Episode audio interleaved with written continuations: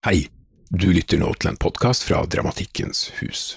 Hei, velkommen til alle dere som har funnet veien hit til Dramatikkens hus, rent fysisk. Og alle dere i de tusen hjem eh, over hele dette land og klode som har funnet veien hit via internettet. Um, og til dette foredraget i kveld med koreograf og danser Ludvig Daa, som her ved min side står, og som kommer hit med et foredrag som heter Radikal mykhet. Og herved og med dette gir jeg ordet til Ludvig. Velkommen, og vær så god.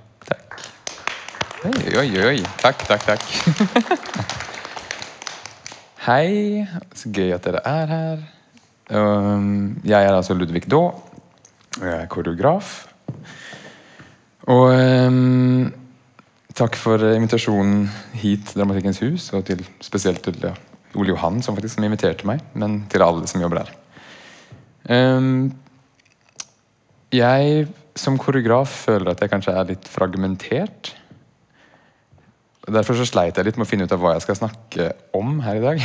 Eh, jeg føler at jeg liksom dykker ned i én ting av gangen, én interesse av gangen, for hvert prosjekt jeg holder på med. Så jeg snakket med produsenten min, Sara Bergsmark, og spurte liksom, hva er det jeg skal snakke om. Syns du? Og hun sa med en gang du skal snakke om radikal mykhet, for det kommer du alltid tilbake til. Både som eh, arbeidsmetode og som kunstnerisk uttrykk. Så det er det jeg skal gjøre. Med meg her i dag så har jeg også to personer som jeg samarbeider mye med, som jeg er glad i. En er Ida Vigdel. Der. Og er Ami Mbai, som er her. Vi skulle også hatt med oss Rina Rosenquist, men hun er dessverre skadet eller er hjemme. Og Markus Baldemar, som jeg samarbeider mye med. Han kunne heller dessverre ikke komme. Men eh, ja, så det, vi skal holde på her en time cirka, og se hva som skjer.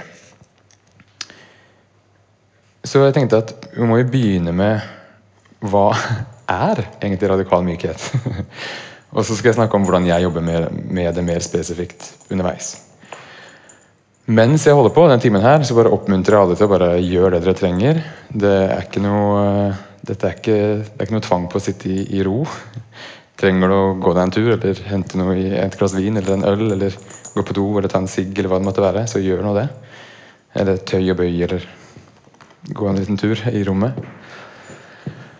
Men ja radikal mykhet, hva er det? Skal vi se om jeg får til denne trykkeren her. Hey. I 2015 så postet kunstner og forfatter og feminist Laura Mathis dette bildet her på sin Tumblr, altså den bildetjenesten på internett. Og for de som ikke ser på, for jeg har skjønt at det også er en podkast her, da, så kan jeg bare si at det er et bilde av det er et ros, lyserosa stoff. Og så ligger det noen vakre sånne diamantsmykker uh, rundt omkring. Et perlekjede, og så er det innrammet av noen sånne svære kjøttkniver av noe slag. Og i midten så står det 'Radical softness as a weapon'. Radikal mykhet som våpen, selvfølgelig, da. Og um, det her um, er det en, altså ett av flere bilder i samme serie som hun kaller for Radical Softness-serien. Og um, alle disse bildene har litt sånn lignende estetikk. Låner litt fra kitsch, litt fra camp. Um, og så er det sånne tekstrader som er litt sånn selvhjelpssitataktige ting. Alltid som er sånn 'Det er lov å gråte. Det er greit å føle.' Det er litt den stemningen der. Og det her startet en slags bevegelse der folk ble veldig fascinert av det her. Hvordan kan mykhet være radikalt? For radikalt er noe man forbinder med raske politiske forandringer eller mer Kanskje ikke akkurat mykhet er det ordet som du tenker på først når du tenker på radikal, noe som er radikalt. Og Det var flere liksom, forfattere og teoretikere og folk som da eh, bidro til det her. Og det ble en slags diskusjon rundt eh, følelser og fornuft. Eh, den separasjonen mellom de to, hva er det for noe? Det å tenke på dette som en slags Hvorfor tenker vi på det som en sånn binær greie? Der du kan enten ta en avgjørelse basert på fornuft eller på følelser. Hjerne, hjerte. det på en måte så betyr jo det da, eller det insinuerer at det å ta en avgjørelse basert på følelser, er da kan umulig være fornuftig. og det ble en diskusjon rundt det her. Og så var det mange som da koblet dette til eh, dette med maskulinitet, eller dette med femininitet. Um, og hvilke egenskaper som mennesker besitter, som uh, hylles i samfunnet, og hvilke som skambelegges, eller hvilke som løftes opp, hvilke som trykkes ned. Oi, nå har jeg litt sånn rundgang i mikken her. Så Laura Mathis, jeg må bare si noe om henne. Uh, hun sa i intervjuer at uh, samfunnet setter likhetstegn mellom tøffhet og det å være i kontroll og blottet for følelser. Det avskriver emosjonelle reaksjoner, spesielt de fra fems, altså mennesker som ikke definerer seg som maskuline, som overdramatiske og ugyldige. Og jeg var lei av å føle meg svak for å, for å være emosjonell i et samfunn som setter stoisk mannlighet på en pidestall. Og da jeg liksom kom uh, over denne den greia her, den teorien her, eller disse diskusjonene og disse bildene, så ble jeg veldig sånn det er jo det her jeg jobber med. Det er jo det her jeg driver med. Og ved hjelp av denne bevegelsen her så fikk jeg liksom muligheten til å kunne uh, Hva skal man si Definere eller liksom fortydelig det jeg holder på med. da. Jeg kunne plutselig ja, formulere mitt kunstnerskap via dette. Og da, I dag så skal jeg da skal vi se, snakke om ja, mykhet. På forskjellige måter. Hvordan jeg jobber med det. Så nå har vi liksom kommet fram til hva, hva, denne bevegelsen er for noe. Da, radikal mykhet. og Da lurer jeg på hvordan man kan jobbe med det innenfor koreografi, men også kanskje mer bredt innenfor alt mulig, egentlig. Og her er de områdene som jeg skal snakke litt om. Hvordan kan man jobbe med mykhet i relasjon til kroppen? Som arbeidsmetode, som estetikk, som innhold, dramaturgi og relasjonen til publikum. Og da begynner vi med mykhet i relasjon til kroppen. Og det er jo noe som for meg er veldig vesentlig, for jeg kommer fra ballett som bakgrunn. Jeg gikk på Den kongelige svenske ballettskolen, og det er um, det var veldig tøft. Det var seks dager i uka, åtte til seks hver dag. Veldig, veldig hard trening. Og det var uh, skoleuniform, lærerne følger med på alt du gjør, alt du spiser. Det var liksom veldig, veldig strengt. Og opplegget der var at man skulle slite. Man skulle jobbe veldig hardt, og måten å vise at man jobber hardt på, det var å eh, jobbe seg på en måte gjennom smerte, gjennom Eh, det å ha vondt. Eh, og alt handlet om at i morgen skal du være litt bedre enn du var i dag. Man skulle alltid framover, framover, framover. Um, og da jeg, også, da jeg gikk der, så jobbet jeg litt ekstra på Operaen, Den kongelige operaen i Stockholm. Det er typisk at de bruker elever fra ballettskolen til å gjøre sånne små småroller. Så sto jeg gjerne liksom i bakgrunnen og holdt et sverd eller et eller annet i Svanesjøen.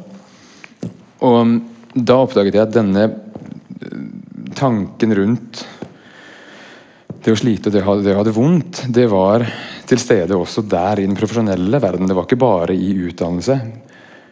Eh, og det som var hele liksom, poenget med balletten, var dette med illusjonen. Illusjonen av overmenneskene. Man, gjør, man utfører noe som er helt sånn vanvittig vanskelig, som krever utrolig mye trening, som gjør veldig, veldig, veldig vondt. Um, det er veldig vanlig å liksom, uh, med blodige føtter for jentene i tåsko. Det er uh, liksom nei, Mister neglene, får masse betennelser i føttene. Og at det var liksom helt innafor. Det var helt greit. Det var en del av greia. Og det å si sånn 'Jeg vet at du har vondt, men forestillingen så fantastisk ut'. Jeg så det ikke på deg. det handler om denne illusjonen av at vi um, vi skal ikke bare gjøre noe som er kjempevanskelig, men det skal også se lett ut. Det, liksom, det har null med den menneskelige faktoren å gjøre. Og det oppdaget jeg senere. At liksom alt som har å gjøre med ikke å være perfekt, eller ikke slite, ikke jobbe hardt, det er liksom ikke bra. Det telles som noe som er dumt. Legg igjen alt det private ved døra, dørkarmen. Her jobber vi. Og vi jobber hardt. Og så da, etter at jeg gikk på ballettskole, så flytta jeg til Belgia og gikk på en skole der som heter Parts. Og der møtte jeg release-teknikk for første gang i mitt liv. Release-teknikk er egentlig ikke en Det er ikke én spesifikk teknikk, men det er liksom et samlebegrep for dansetrening som fokuserer på pust og på anatomisk bevissthet. Og bruke momentum. Den energien du setter i gang i kroppen din, ta vare på den. Når jeg gjør en bevegelse, så lar jeg den energien den, den skaper, bygge videre. Og gjenbruk av energi. Igjen og igjen og igjen. Og det var som en slags myk approach til kroppen som jeg var veldig glad for å oppdage. Og da følte jeg veldig på at dette her er jo en mye smartere inngang til dans, følte jeg. Fordi nå, Hvis man jobber med å bruke så lite energi som mulig, og, og gjenbruk av energien som jeg skaper, så kan jeg jo holde på lenger. Jeg kan danse, trene lenger på dagen. Jeg kan trene mer. Og jeg kan danse til jeg er mye eldre. For det handler ikke om å ødelegge kroppen min. Så den myke approachen der var noe som for meg var helt sånn aha-opplevelse. Og så var det én ting til faktisk med ballett og release-teknikk for min del. Og det var dette med form. At ballett er veldig opptatt av form, og alt man gjør, bestemmes utenfra. Hvordan ting ser ut. Dette med å fylle ut former. Gjøre bevegelser og formasjoner korrekt. Det er én måte å gjøre det på, og det er ikke så farlig hvordan du kommer dit, så lenge du kommer dit. Hånda skal være her og ikke her. Dette er viktig. Og da følte jeg hele tiden at jeg sammenlignet meg selv ikke bare med de ved siden av meg i klasserommet mitt, men også med alle som har gjort disse bevegelsene i 500 år før meg. For i ballett i dag så gjør vi fortsatt disse originalkoreografiene fra Svanesjøen, som hadde premiere i 1895. Marius Petipa, Lev Ivanov, disse koreografene som lagde disse dansene da. Vi utfører de samme bevegelsene i dag. Så målet som ballettdanser er å bli like god og utføre de samme bevegelsene like bra som disse tusentalls menneskene som har gjort det før meg. Så denne sammenligningen basert på form var noe som jeg også var veldig Det var for meg dans. Det å se de jeg danser med, ikke som venner, men som konkurrenter. Det ble vi opplært til veldig hardt på danseskolen. På ballettskolen. Og I release-teknikk så kommer det mer innifra, og formen er sekundær. Det handler om at utfører du bevegelsene korrekt, anatomisk, så havner du ish i disse bevegelsene her. Og det var for meg også en helt ny approach da, til å øh, jobbe med, med, dans og med kropp og med uttrykk. At det er ikke utenifra som bestemmer hvordan, øh, om jeg er bra eller dårlig. Det er innifra. Og jeg skal sammenligne meg med meg selv, og det å sammenligne meg med andre, det er, mer, det er et mer fokus på bruk den kroppen du har. Og dette var for meg også en veldig myk inngang til kropp.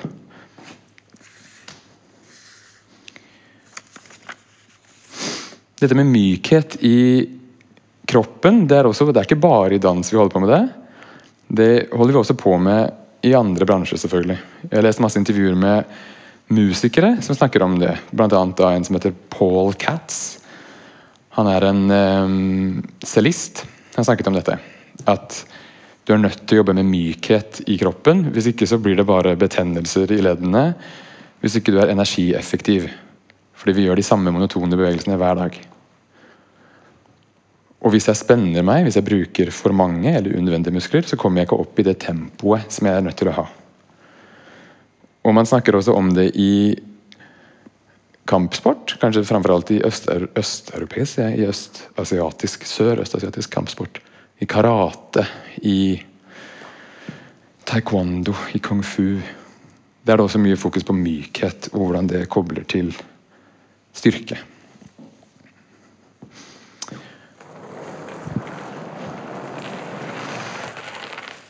Så dette med at man kan jobbe lenger, langsiktighet, og jobbe med sine faktiske forutsetninger og energieffektivitet. Det er noen potensielle innganger til mykhet i kroppen. Som arbeidsmetode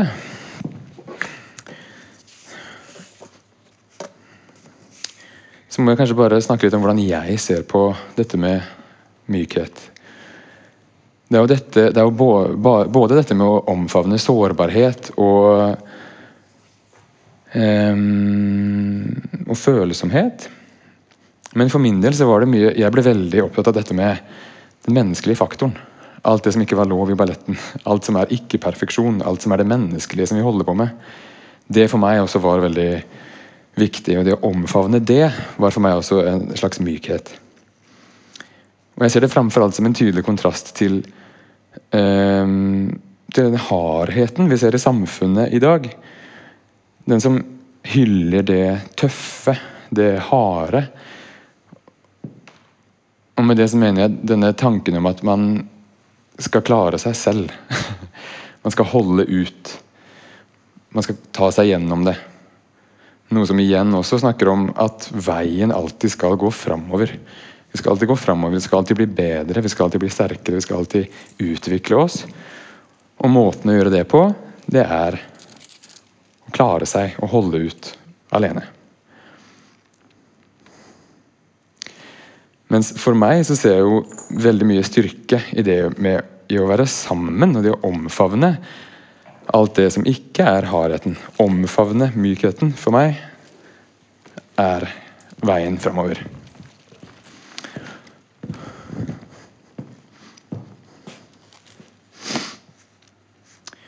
For denne hardheten, dette med å klare seg selv, det, det, kobler jeg også veldig mye til denne nyliberale overbevisningen om autonomi og individualisme og kapitalisme. Alle disse strukturene som gjør at vi skal være alene.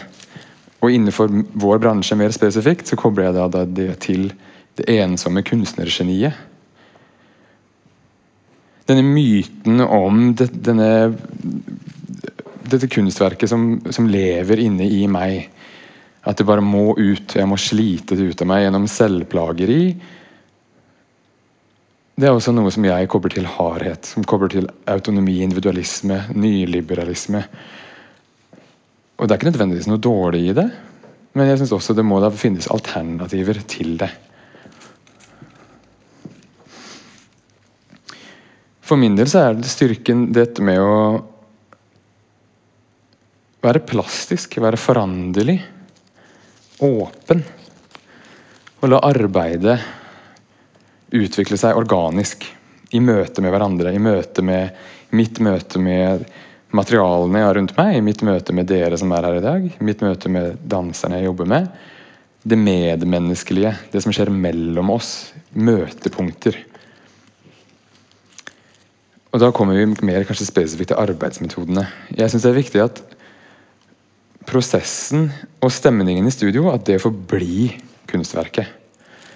At det å la arbeidsmetodene og det kunstneriske uttrykket la de gli over i hverandre. Prosessen, altså det vi holder på med hver dag i hverdagen, i studio, det består av medmenneskelighet. Alt som skjer mellom oss i studio. Og For min del var det da viktig å tillate at alt som skjer i studio, kan få være med.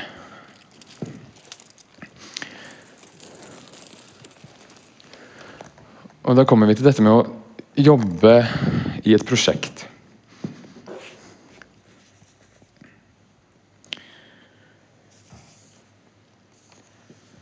Jeg jobber jo gjerne med mine egne ting, og jobber med andre da som jobber i mitt prosjekt. Og da er jo jeg arbeidsleder, og jeg er kunstnerisk leder. Så jeg er den som tar avgjørelsene og tar vare på de som jobber sammen med meg. Det er selvfølgelig viktig. Men jeg syns at vi alle jobber vi for prosjektet. Og jeg er ikke prosjektet. Prosjektet er noe som eksisterer mellom oss. Og vi alle sammen jobber for at prosjektet som er mellom oss, skal bli så bra som mulig.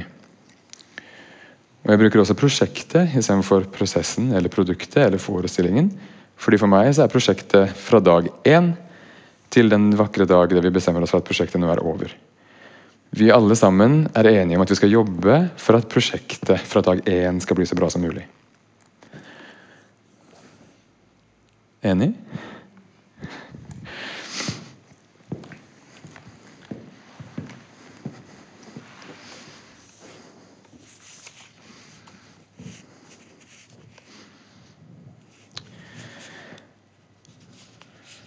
Og Det har jo også noe med at jeg er, jeg er, det har å gjøre med at jeg er overbevist om at den stemningen som er i studio, reflekteres på scenen.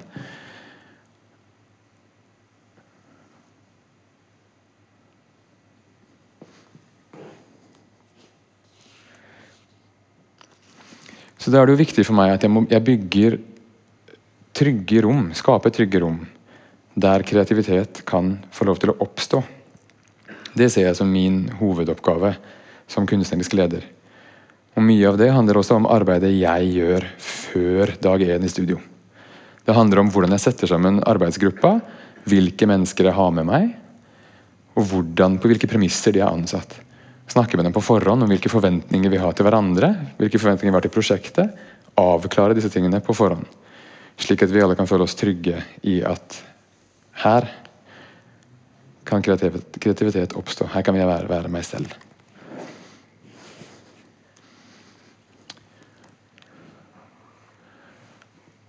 Her ser dere da disse punktene litt. Grann. Prosess som produkt, fellesskap istedenfor ensomt kunstnergeni. Skape trygge og tydelige rammer. Jobbe med mennesker basert på deres kunnskap. Ikke ansette folk og så senere komme inn og prøve å forme dem ut fra min visjon.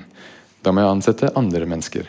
Hvis jeg vil ha en homogen gruppe med samme kunnskap, så må jeg ansette den gruppa. Jeg kan ikke etter at vi har begynt å jobbe, jobbe med å omforme de jeg jobber med. Og Det ser jeg også en veldig tydelig mellom den hardheten i samfunnet og maskulinitet når det kommer til lederskap. Og Det er også noe jeg vil bryte med.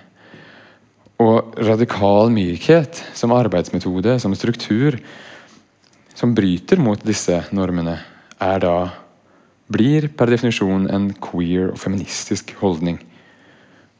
Dette kommer vi tilbake til. Som innhold Her har jeg egentlig litt mindre å si. Men da jeg var på skole i Brussel, så var det veldig, veldig mange forestillinger øh, som vi så. Det var over 50 obligatoriske forestillinger i første klasse som vi måtte gå og se på. Og Dagen etter på skolen så måtte vi da snakke om det, diskutere det, analysere hva vi hadde sett.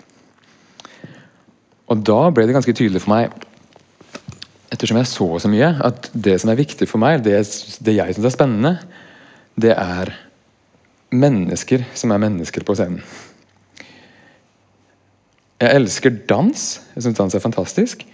Men jeg syns det var mindre spennende å se på disse overmenneskene.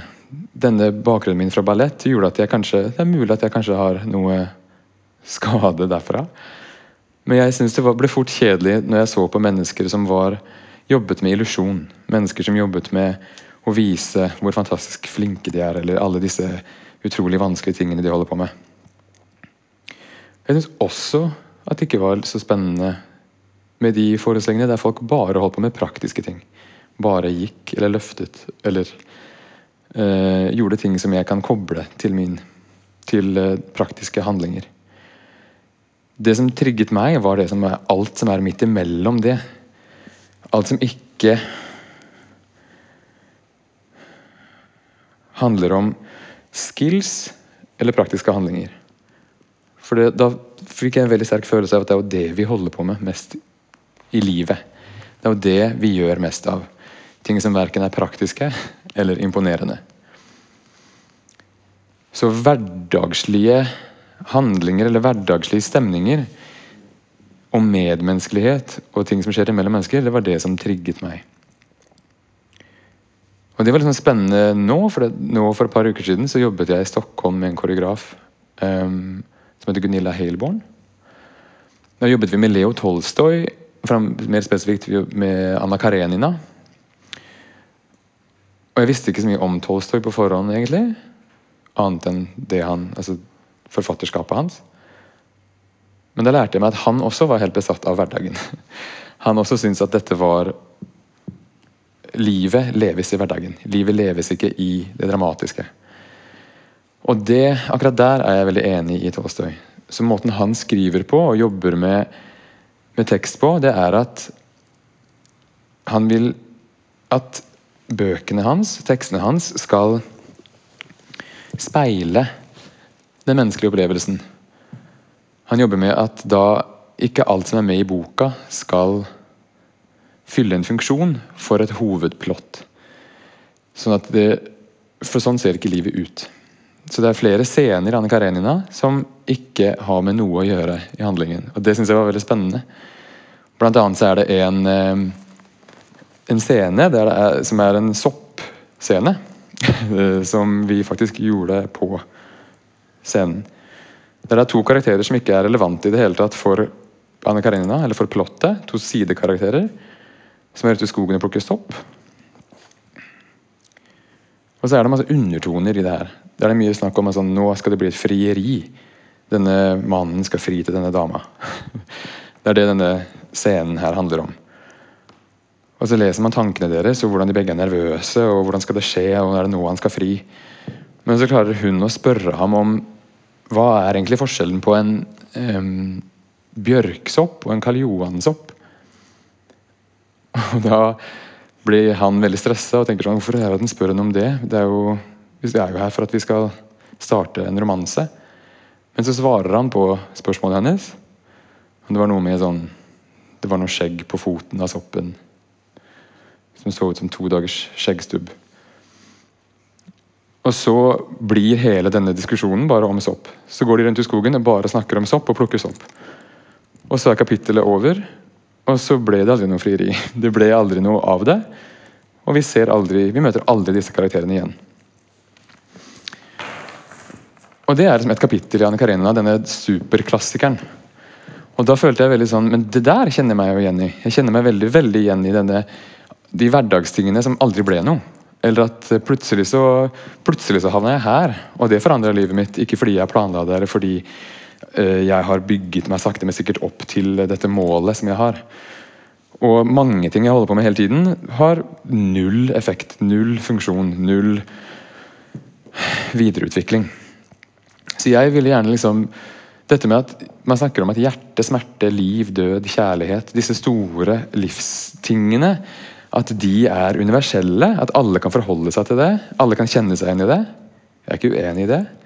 Men jeg foreslår også at hverdagslige ting Det er også noe vi alle kan forholde oss til. Det er noe vi alle kan kjenne oss igjen i. Så det for meg er minst like universelt som det dramatiske. Så dette med at alt i prosjektet, i produktet, ikke trenger å ha en funksjon, det er for meg ganske viktig. Og det kan man jo koble tilbake til dette med å la alt som skjer i studio, få være med. Vi kommer til studio med en plan, men jeg står ikke og insisterer på hvilken retning vi skal i. Jeg lar det som oppstår i studio, det som pågår rundt meg, få utvikle seg og være med på scenen når vi vel kommer dit. Dette med å la ting organisk vokse frem, og ikke være så bekymret med at alt skal ha en funksjon. Prøve å unngå dette med smart, intelligent oppbygging, for det er jo ikke det livet er. Livet er jo verken smart eller intelligent. Det er uventa og merkelig og kanskje meningsløst.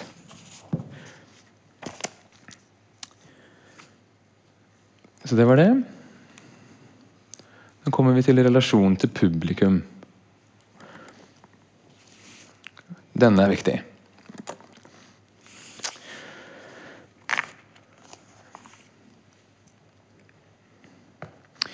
For da er det viktig altså Jeg snakker jo mye om dette med arbeidsmetodene og hvordan jeg lever mitt liv. Jeg vil at det jeg holder på med, jeg, de prosjektene jeg holder på med, de forestillingene jeg lager, at de skal speile hvordan jeg ser på livet. Og hvordan jeg velger å leve og respektere menneskene rundt meg. Det er viktig. Men vi jobber jo fortsatt med kommunikasjon. Vi jobber jo med scenekunst, der vi faktisk skal møte folk, forhåpentligvis. Om det så er på Zoom, eller om det er live. Men da er det viktig å først tenke på hvem er publikummet mitt? Hvor er de? Hvem er det jeg vil rette meg mot?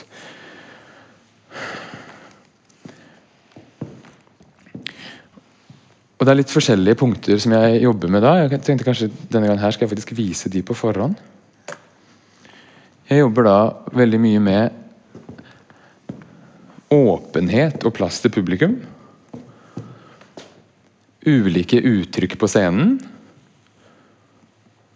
Oppsøke folk der de er. Relaxed performance. Det jobber jeg egentlig ikke så mye med.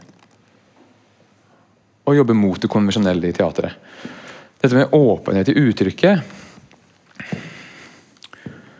Det har å gjøre noe med det å vise det man holder på med, eller ikke. Åpenhet som i at jeg gir deg mulighet til å tolke det du vil tolke inn i det du opplever. Jeg har lyst til å jobbe med det jeg syns er spennende med, med, scenekunst, med dans, det er sanselige inntrykk. Kroppslige persepsjoner. Dette med å ta og føle, høre, se, få informasjon inn gjennom kroppen. Og så er det opp til deg hvordan den informasjonen lander. Hvordan du tolker den, det må være din rett. Og så fort jeg viser deg hva jeg holder på med, da viser jeg deg også hvordan det skal tolkes. Da viser jeg deg dette her. Dette er viktig. Det her borte mindre viktig. Og det, Dette er veldig inspirert av en koreograf som jeg har jobbet masse med, som heter Deborah Hay. Eh, hennes motto, eller ett av mange, er 'invite being seen'. Det tenker jeg veldig veldig ofte på. Det er, det er sjenerøst. Jeg inviterer dere til å se det som, det som, pågår. Jeg er her sammen med dere, og dere får lov til å se på det jeg holder på med. Men jeg projiserer meg ikke ut av det jeg holder på med. Jeg viser deg ikke hva jeg gjør. Jeg gjør det jeg gjør. Men du er veldig velkommen til å følge med. Da, nok en gang, så er det muligheter for deg til å kunne faktisk tolke det jeg holder på med. Istedenfor at jeg forklarer deg hvordan det skal tolkes. Og Det er også veldig viktig i åpenhet til, til uh, gi plass til publikum. Hvis det uttrykket som er på scenen er altfor metta, hvis det er for tydelig, hvis det er én tydelig retning, én tydelig handling, én tydelig ting, eller altfor mye som skjer, da er det ikke plass til meg som publikum til å projisere meg selv inn i det som skjer. Det må være, det må være litt luft, sånn at jeg føler at her her kan jeg plassere meg selv inn i det jeg, det jeg opplever. Og Neste greie da er da å gjøre plass til ulike typer av uttrykk. Det sto vel også der et eller annet sted. Ja. Og Da kan man snakke om det å la utøverne, hvis man nå jobber med det Jeg gjør jo det. La dem være mennesker på scenen. La dem være de de er. Nok en gang så handler det da om at jeg må rygge unna min egen overbevisning eller min egen norm om hva det å være menneske eller utøver eller danser er. Hvis jeg forteller deg hvordan du skal oppføre deg på scenen i dag folk får lov til å eh, oppleve det vi holder på med gjennom deg, da ser du jo allikevel min tolkning av hvordan du utfører noe, istedenfor å se hvem du er, hva du holder på med. Samme med Ammi. Og det som er Poenget er at de to er to forskjellige mennesker. At jeg ikke prøver å få de til å være det samme mennesket. Fordi hvis jeg har ulikheter i uttrykkene, da kan man plutselig oppstå følelser av medmenneskelighet. Og da kan det også oppstå følelser av at kanskje du kjenner deg igjen i en av de som er på scenen. Mens du kanskje kjenner deg igjen i noen andre som er på scenen. Dette må ikke ha én front som er 'dette er mitt bilde av hva det å være menneske på scenen er. Men det handler jo da også om veldig mye annet. Selvfølgelig handler det om representasjon i alle ledd. Jeg kommer litt tilbake til dette med prosjekt. Jeg tror jeg kommer tilbake til dette senere også. Men representasjon i form av øh, seksuell legning, i form av øh, kjønn, i form av alder, i form av kropp, i form av hudfarge, i form av alt. Hvordan jobber jeg med det? Ikke kun med utøverne. I alle ledd i produksjonen. Med tanke på at alle som er med i produksjonen, eller prosjektet, er med på å forme prosjektet. Da er det viktig at man har med forskjellige menneskers inngang til tematikken vi undersøker. Slik at det nok en gang ikke bare blir meg. Jeg er ikke prosjektet. Jeg er uinteressert i å vise deg min tolkning av noe. Jeg er opptatt av din tolkning av noe som jeg legger fram for deg.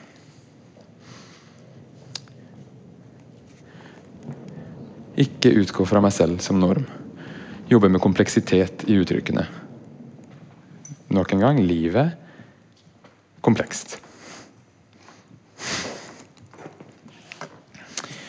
Og så kommer vi da til oppsøke folk der de er, tror jeg det står der.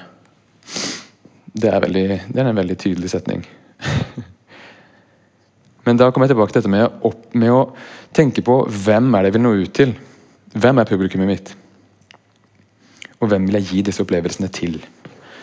Fordi dessverre, vi kan si så mye vi vil, at jeg eh, gjorde en forestilling åpen for alle. Alle kan komme. Men oi, nok en gang så kom det de samme menneskene som alltid kommer. Det er kanskje greit hvis det er det du har lyst til å jobbe med. Men så lenge vi da forholder oss til vår egen verden, og at inviterer folk hjem til oss, inn i vår verden, så er det alltid mennesker som føler at det er ikke min verden. Der er ikke jeg inkludert. Så hvorfor skal vi alltid forvente at folk skal komme hjem til oss? Hvorfor kan ikke vi dra på besøk hjem til dem? Og Det er mange forskjellige måter å gjøre det på. Og én ting er såkalte pop-ups, som jeg jobber med. Og Det er noe som Ida Vigdel borti hjørnet der jobber veldig mye med også. Dette med å ikke alltid tenke produksjonsformen som vi er vant til. Ikke tenke 8-10-12 ukers produksjon, og så har vi to forestillinger, og så håper vi på å selge den videre og bli turné. Men kanskje kaste sammen noe litt kjapt. Slenge sammen noe, og bare sette det opp. Og kanskje gjøre det på plasser som eh, ikke er innenfor vår verden. Gjøre det på plasser som er der det er andre mennesker som føler seg hjemme. Som de kan føle at 'Å ja, du kommer hjem til meg'. Det kan være at man setter opp noe på en bar, på en klubb. Det har jeg jobbet mye med i Stockholm, det jobber Ida ganske mye med. Og det skal vi fortsette å utvikle. Det kan også være gjesteopptredener, pop-ups på landsbygden. Det har jeg også jobbet mye med, framfor alt i Sverige. Jeg gjorde en forestilling for eh, et nasjonalt kompani i Sverige som heter Norrdans. Og Da jobbet vi med folkedans som inspirasjon. Det vi undersøkte var hva, hva hvis folkekulturen ble laget i dag? Og alt som er med kulturen i landet i dag, skal kokes ned til en folkekultur. Hvordan hadde det sett ut da? Og Den forestillingen den insisterte jeg på at skulle vises ikke i teatret, men på bygdegårder, som det heter i Sverige. Hva heter det i Norge? Samfunnshus, kanskje? På samfunnshus og samlingslokaler rundt omkring i Sverige blir denne forestillingen her vist. Og da dukka det opp andre mennesker enn det jeg er vant til. Den turnerer nå også på nytt om et par måneder. Vi kan gjøre hva du vil, heter den. Og Det var liksom et veldig tydelig grep, og da merket jeg at det funker faktisk å senke tersklene. Mange opplever at det er høye terskler i vår verden. Hvordan kan vi jobbe med å senke det? Jo, vi kan jo jobbe med å gjøre reklame for scenene våre på andre steder enn vi vanligvis gjør det. Eller så kan vi finne nye steder å presentere kunsten vår på. Neste år gjør jeg en forestilling som heter 'Meningen med livet'. Der vi reiser rundt med campingvognpark. Der publikum får gå inn i en og en vogn, og i hver vogn så er det én inngang til livet. Man får møte en filosof, man får møte en psykolog, man får møte en person med livserfaring. Man får møte meg, som kanskje står og holder på med det jeg gjør nå. Og så får man være i en badstue. Og så får man lage litt mat, og så får man spise litt mat. Og Det er altså en kombo av dette med å blande ulike uttrykk. Blande forskjellige ting, forskjellige typer av kommunikasjon som forskjellige mennesker kan relatere til. Kanskje noen føler 'wow, dette var for meg', dette med psykologen, mens andre føler 'ja, jeg står her og lager litt mat'. Men det er også det at vi kommer hjem til dem på landsbygda og setter opp disse campingvognene våre i skogen, og folk føler Gøy at dere kommer hjem til oss. Forhåpentligvis.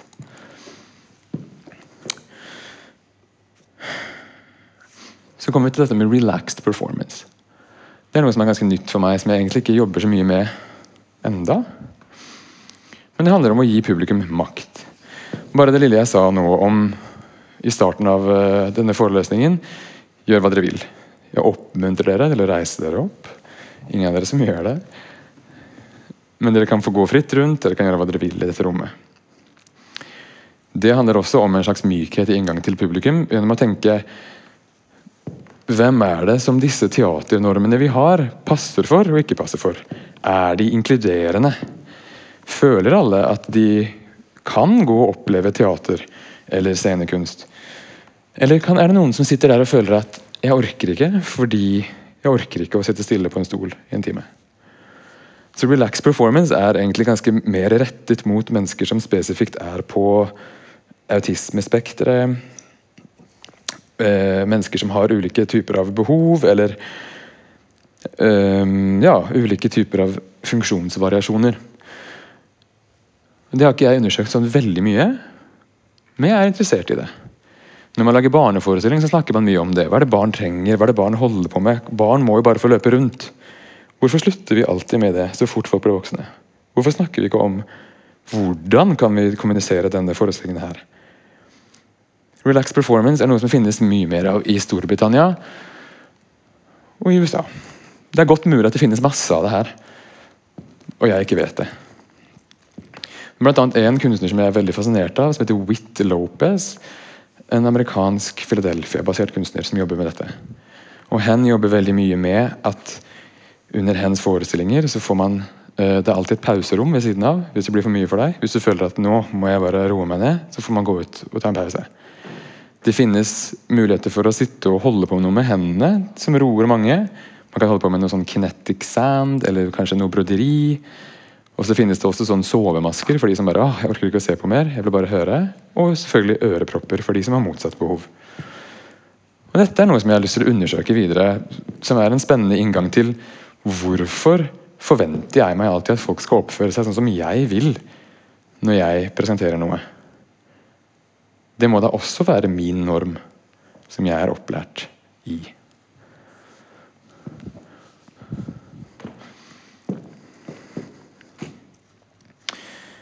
Og sist, men ikke minst, så er det dette med å tenke på hva som krever tidligere forståelse. Dette med teaterkonvensjoner. Nå merker jeg egentlig at de punktene her har ganske mye med hverandre å gjøre. egentlig. Så forskjellig er det ikke. Men det jeg syns er spennende, er å tenke på hva i kommunikasjonen jeg holder på med nå, hva i formatet jeg gjør nå, er det som krever en formell forståelse av det ene eller det andre. I teater så er det jo òg dans i hvordan jeg har lært meg i alle disse årene med utdannelse hvordan man skal lage en forestilling. Jeg har lært meg man skal jobbe med, med kontrast, med konflikt, med oppbygging, med karakterutvikling. Hvordan man jobber med tidsbruket. Hvor lenge orker folk å sitte og se på én ting før man må bryte med noe annet. Alle disse tingene har jeg lært meg. Sånn lager du en bra forestilling. Nok en gang så jobber vi da i dette binære. Bra eller dårlig forestilling. Dramaturgi som fungerer, som ikke fungerer. Men hva hvis man ikke kan disse konvensjonene? Hvorfor er det gitt? Hvorfor har vi en følelse av at det er en objektiv forståelse for hva som er bra og dårlig dramaturgi eller måte å kommunisere på? kan jeg kanskje jobbe med en annen type dramaturgi som er mer inkluderende, eller kanskje mer inkluderende for en viss type mennesker. Hvis jeg vil ut på bygda og vise tingene mine i et samfunnshus For folk som kanskje aldri har sett teater eller dans før. Skal jeg da fortsatt forholde meg til teater og forestilling på samme måte? Eller burde jeg undersøke hvordan disse menneskene er vant til å oppleve kommunikasjon eller kunst? Dette er faktisk så viktig at det er et eget punkt. Dramaturgi Oi, her hoppa vi. Oi, oi. Skal vi se Her. Dramaturgi og tid. Veldig, veldig viktig punkt for meg. Dette jobber jeg veldig mye med. Inklusivitet i hvordan tiden oppleves i mine forestillinger. Nå snakker jeg ja, nå snakker jeg mer spesifikt om forestillingene som en del av det større prosjektet, som en del av prosessen. For det å benytte seg av såkalt intelligent eller smart teaterdramaturgi det, det, for meg gir meg en opplevelse av balletten igjen. Dette med å hele tiden reprodusere ting jeg har lært. Dette med at jeg skal gjøre disse bevegelsene som 50 000 mennesker før meg har gjort i hundrevis av år. Hvorfor skal jeg holde på med det? Hvorfor holder jeg på med å hele tiden reprodusere? Jeg kan endre innholdet så mye jeg vil i forestillingene jeg holder på med, og undersøke nye ting, men hvis jeg strukturerer det på samme måte alltid, reproduserer jeg ikke da bare forestillingene som jeg har sett før.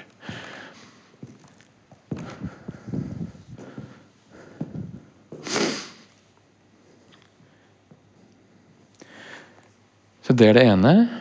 Men også at det er å lage forestillinger for et mer eller mindre privilegert publikum som vet hvordan de skal forholde seg til teaterdramaturgi.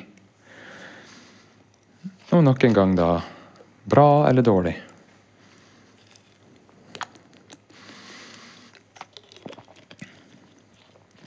Som sagt, dette med å jobbe med en annen type dramaturgi kanskje åpner opp sånn at flere mennesker er åpne for uttrykket på scenen.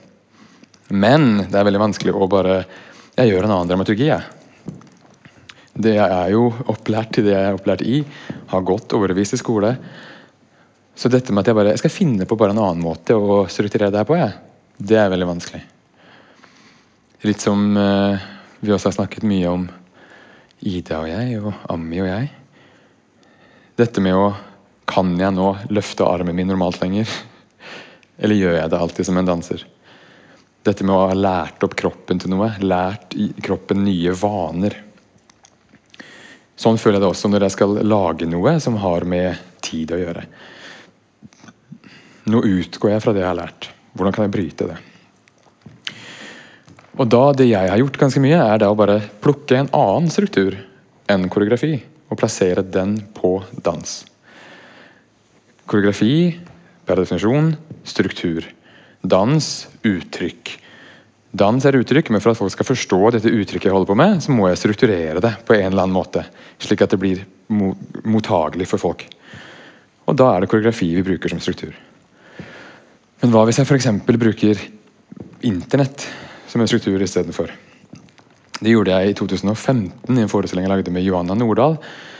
En forestilling som heter Hyperfruit da diskuterte vi hvordan dette med mm, avstandsforhold hvordan det påvirker oss. Forestillingen handlet om dette med å kommunisere gjennom skjermer, som vi nå alle vet hvordan er etter denne, de siste to årene. Og tenkte vi, ok, Hvis dette er innholdet, hvis dette er tematikken, dette vi undersøker, hvorfor i all verden skal vi da strukturere det som et vanlig teaterstykke? Så da undersøkte vi teater, nei, unnskyld, internettdramaturgi og tenkte sånn ok, hvis man tenker hvordan man surfer på internett Man går inn på en hjemmeside, og så er det en spennende artikkel, og så leser man den. Men etter bare første stykke så er det noen som sender deg et videoklipp, og så går du inn og ser litt på det. Og så går du tilbake igjen for å lese ferdig artikkelen, men da var det et navn du egentlig lurte på. Hva, hva er det? Hvem er den personen her igjen? Så går du inn på, den, på Wikipedia og leter etter den personen. Å nei, den står jo for dette her. Da må jeg undersøke alt det og bakhistorien og grave meg ned i det, denne bevegelsen, denne skolen som personen her kommer fra. Og så går du tilbake for å lese artikkelen din en gang til. Men da sendte kanskje kompisen din en melding og spurte hva syns du om den videoen jeg sendte deg på YouTube. egentlig? Og kom på at nei, jeg har ikke sett den ferdig. Jeg må jo gjøre det. Da ser du den ferdig. Dette med å hoppe fram og tilbake, inn og ut mellom ulike uttrykk, ulike tabber på Internett. Jeg er ekspert på å ha 50 sider oppe samtidig og flytte meg mellom dem. Og nekte å lukke dem, for jeg skal fullføre den artikkelen en eller annen gang. Tenkte, Hvis det er sånn nå vi nesten alle forholder oss til informasjon Det er sånn vi er vant til å kommunisere med hverandre, det er sånn vi er vant til å lese, det er sånn vi er vant til å ta til oss informasjon utenfor teatret. Hvorfor i all verden skal vi ikke da forholde oss til samme måte og ta til oss informasjon inne i teatret? Nok en gang, hvorfor speiler ikke teaterdramaturgi livets dramaturgi? Eller med Dance to Dance to, en forestilling jeg lagde i 2016. Da utgikk vi fra What If. Hva om ballett så ut som diskodans? Hva hvis de på 1500-tallet på hoffen i Europa danset diskodans istedenfor denne folke, denne ballettdansen de holdt på med? Hvordan hadde da ballett utviklet seg? Hvordan hadde ballett da sett ut? Og hvordan hadde da contemporary dance, eller moderne dans, sett ut som en reaksjon på denne diskoballetten istedenfor balletten som vi kjenner den i dag? Og da jobbet vi med dansegulv, diskodans og DJ-sett som dramaturgi. Undersøkte, snakket med DJ-er. Hvordan lager du et DJ-sett, og er viktig for deg? Så dette med å stjele en annen type strukturs dramaturgi og plassere det på dans for å bryte mine egne mønstre, for å bryte min egen norm, komme ut av min egen hjerne, det jobber jeg mye med. Det er sånn vi lever livet våre, føler jeg. Ikke så smart oppbygget. Jeg nevnte i stad dette begrepet Dette med at uh, mykhet er uh, en queer og feministisk holdning. Og når jeg kommer til dramaturgi nå, så må jeg da selvfølgelig snakke om begrepet queer tid. Og Dette begrepet ble jeg først kjent med gjennom en venninne av meg som heter Dimen Abdullah i Sverige, som er forfatter og skriver skuespill. Er dramatiker. Og eh, hun fortalte meg dette. Dette med at livet, altså vår tidsoppfatning som mennesker, er basert på milepælene i livet. Det er basert på at vi plasserer oss i en loop som våre foreldre også har vært i, som våre besteforeldre har vært i. Det med at man først er barn, så blir man ungdom, så blir man voksen, og når man er voksen, så er det alle disse tingene man skal gjennom. Man skal skaffe seg en utdannelse, man skal skaffe seg en jobb, kanskje da en fast jobb, kanskje mer penger, og så skal man kjøpe seg en leilighet. Og så skal man etter hvert håpe at den har steget litt, og kjøpe en større leilighet, og så et hus, og så en hund, og så skaffe barn. Alle disse tingene. Disse tingene er jo hvordan man lever livet, men det er også en måte for oss å forstå at tid går. Etter hvert som jeg har levd livet en stund, så kan jeg se at flere og flere av disse milepælene er bak meg og færre og færre er foran meg. Altså, jeg har blitt eldre. Man ser det også i alle disse ritualene vi holder på med i mange religiøse sammenhenger, der det er dåp, konfirmasjon, bryllup, begravelse. Men hva så med de av oss som kanskje ikke forholder oss til disse milepælene? De av oss som kanskje ikke lever innenfor den typen samfunnsnorm? Som ikke ser tiden eller temporaliteten som reproduktiv, der vi plasserer oss i en loop av alt sammen. Ifølge da Demon Abdullah og forfatteren Jack Alberstam så lever disse menneskene i queer tid. Det kan være mennesker som av en eller annen grunn ikke bare, bare ikke forholder seg til samfunnsnormene. Det kan være folk som er queere, men det kan også være folk som kanskje er eh, flerkulturelle. Som føler at jeg har jo masse ritualer på forskjellige ting, jeg lever imellom disse kulturene. Jeg vet ikke hvilke jeg skal forholde meg til. Jeg føler at jeg ikke opplever tiden lineær. Og dette med queer tid det synes jeg er kjempespennende. Og Det er da som sagt Jack Halberstam som har myntet dette begrepet. hva jeg vet. I en bok som heter In a Queer Time and Place anbefales. Han snakker om dette her med at um, de av oss som da ikke lever i lineær tid, som lever i queer tid, for oss så er det vanskelig å forutspå framtiden, for jeg har ikke disse stoppene langs veien å forholde meg til. Jeg har ikke trappetrinnene, jeg vet ikke hvor mange som er igjen, jeg vet ikke hvor mange jeg har gått. Jeg forholder meg ikke til tiden på den måten. Og da er jo også framtiden veldig diffus. Da er framtiden umulig å forutspå eller forutse eller planlegge for. Og det gjør da at når framtiden er diffus, så blir nåtiden ekstra viktig. Folk som lever i queer tid, er gjerne besatt av nuet. Yolo. Og det her kjenner jeg meg så godt igjen i. Dette med å ville bare gripe dagen i dag. Dette med å kanskje da leve litt dumt, leve utenfor normen. Eh, jeg har aldri, før jeg møtte dette konseptet, skjønt kanskje hvorfor jeg ble full en tirsdag. Ja, kanskje det er fordi jeg lever i queer tid.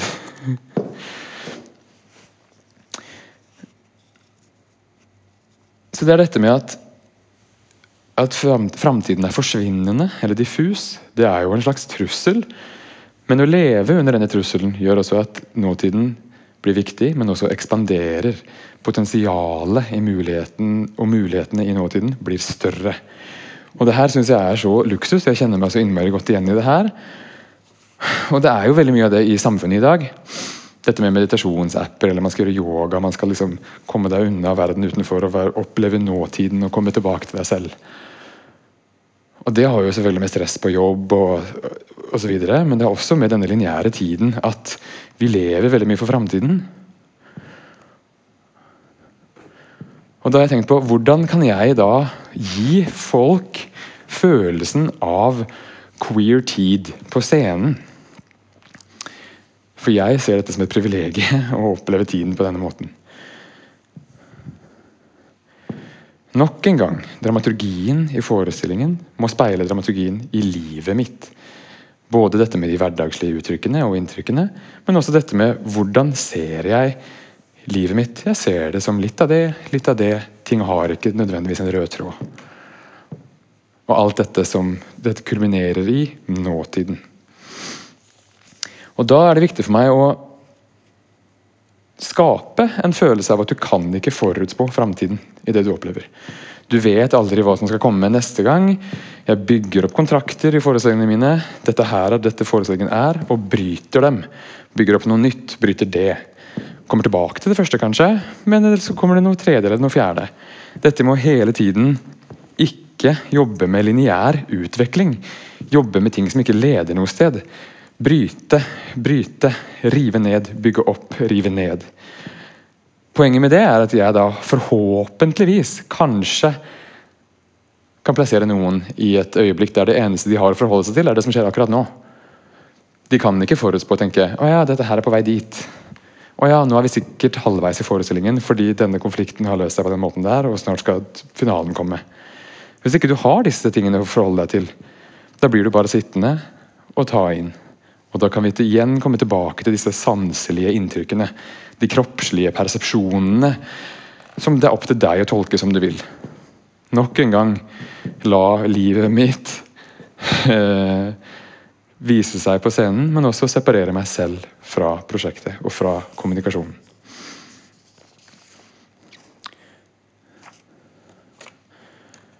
Og så har jeg faktisk bestemt meg nå for noe, ja, jeg ser det, queer tid og andre strukturer enn koreografi. Veldig viktig punkt. Estetikk har jeg egentlig bestemt meg for å hoppe over. Det er ikke så jævla gøy. Valg av materialer, manipulere materialer, kontrastere myk og hardt. Jeg føler at det er ganske obvious i rommet vi er i nå. Så da har vi, sist, men ikke minst, utopi. Den her er kort. Dette er det andre som er alltid har vært viktig for meg. Dette med å jobbe med utopi. Å jobbe med mykhet som utopi, men også jobbe med utopi generelt. Dette med å gjøre hva hvis Hva hvis balletten så ut som disko? Hva hvis folkedans ble laget i dag? Hva hvis internett var dramaturgien i livet vårt?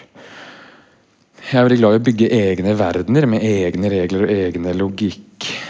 Eh, og der forholdet vi har til hverandre på scenen, og forholdet vi har til publikum, følger en logikk som er unik for forestillingen.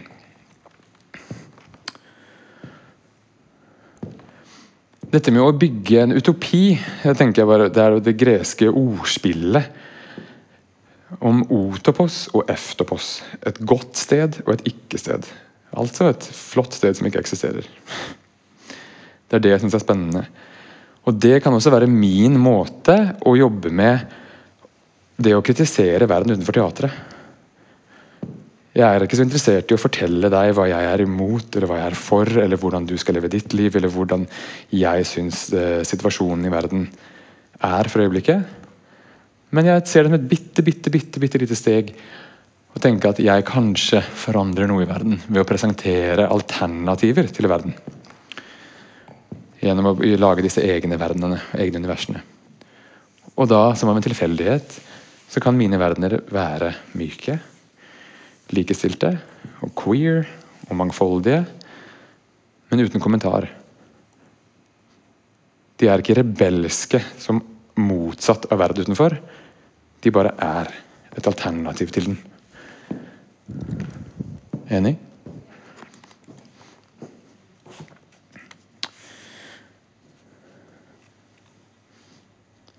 Og da er det egentlig bare en oppsummering til slutt her. Alle disse tingene her. Husk alt dette. Oppsummeringen da, også en kort greie her nå. Det er bare det med at hvordan mykhet kan være radikalt. Og Det er viktig for meg å poengtere at mykhet det har dere kanskje opplevd, at det er ikke det samme som bare vennlighet. Det handler ikke bare om å gi hverandre en klem. Det er ikke bare hippie. Ikke at det er noe galt i det. Det handler om mykhet struktur, som struktur i alle ledd. Det handler om representasjon i arbeidsgruppa. Det handler om inkludering av publikum gjennom dramaturgi, gjennom relaxed performance, gjennom å gi makt, gjennom å gi plass, gjennom å gi tolkningsmuligheter. Det handler om feiring av ulikheter i uttrykk og kunnskap. Ansette folk Hvis jeg er interessert i noe, ansett noen som er god på det. da. la folk være gode på det de er gode på. Og ved å la produktet speile prosessen, og vice versa. Gi plass til publikum, så de kan speile seg og plassere seg selv i det. Og det føler jeg at det er umulig å speile seg i noe når alle du deler tiden med, alle som står på scenen, er overmenneskelige eller jobber med illusjoner, eller gruppa ikke speiler samfunnet, eller historiefortellingen er for sterk, narrativet er for sterk, narrativet er for tydelig. Eller hvis det bare er drama. Eller hvis alle tingene har en funksjon som skal fylle et hovedplott. Det er ikke livet. Det er viktig å utfordre kunstens alle fronter, ikke bare innholdet. som jeg snakket om. Egentlig minst av alt innholdet. Jeg er ikke så interessert i det. Og alle mulige slags kunstformer og alt, alt av kunst, alle forestillinger, alt skal selvfølgelig få lov til å finnes. Men det er viktig for meg å utfordre strukturene. Ikke hva vi lager nødvendigvis, men hvordan vi lager det. Se på disse strukturene som former hvordan vi produserer ting, hvordan vi lever.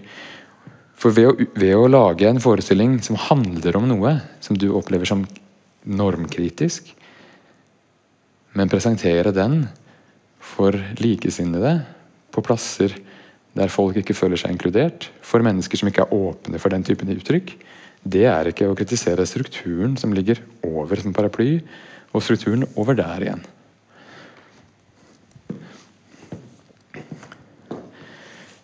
Så jobber med mykhet i estetikk, arbeidsmetoder, lederskap, arbeidsgruppa, hvor vi presenterer kunst, queer holdning, utopier. Det er da mykhet kan bli radikalt. Og så trenger man selvfølgelig ikke å gjøre alt det her. Det her er jo helt umulig.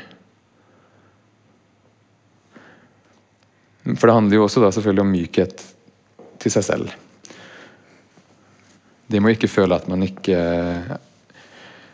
At man alltid gjør feil eller ikke strekker til. Men det er fint kanskje å gå gjennom en liten liste og bare spørre seg selv Er jeg nå myk mot de rundt meg? Mot meg selv? Og mot prosjektet jeg holder på med? Tusen takk. Det var det.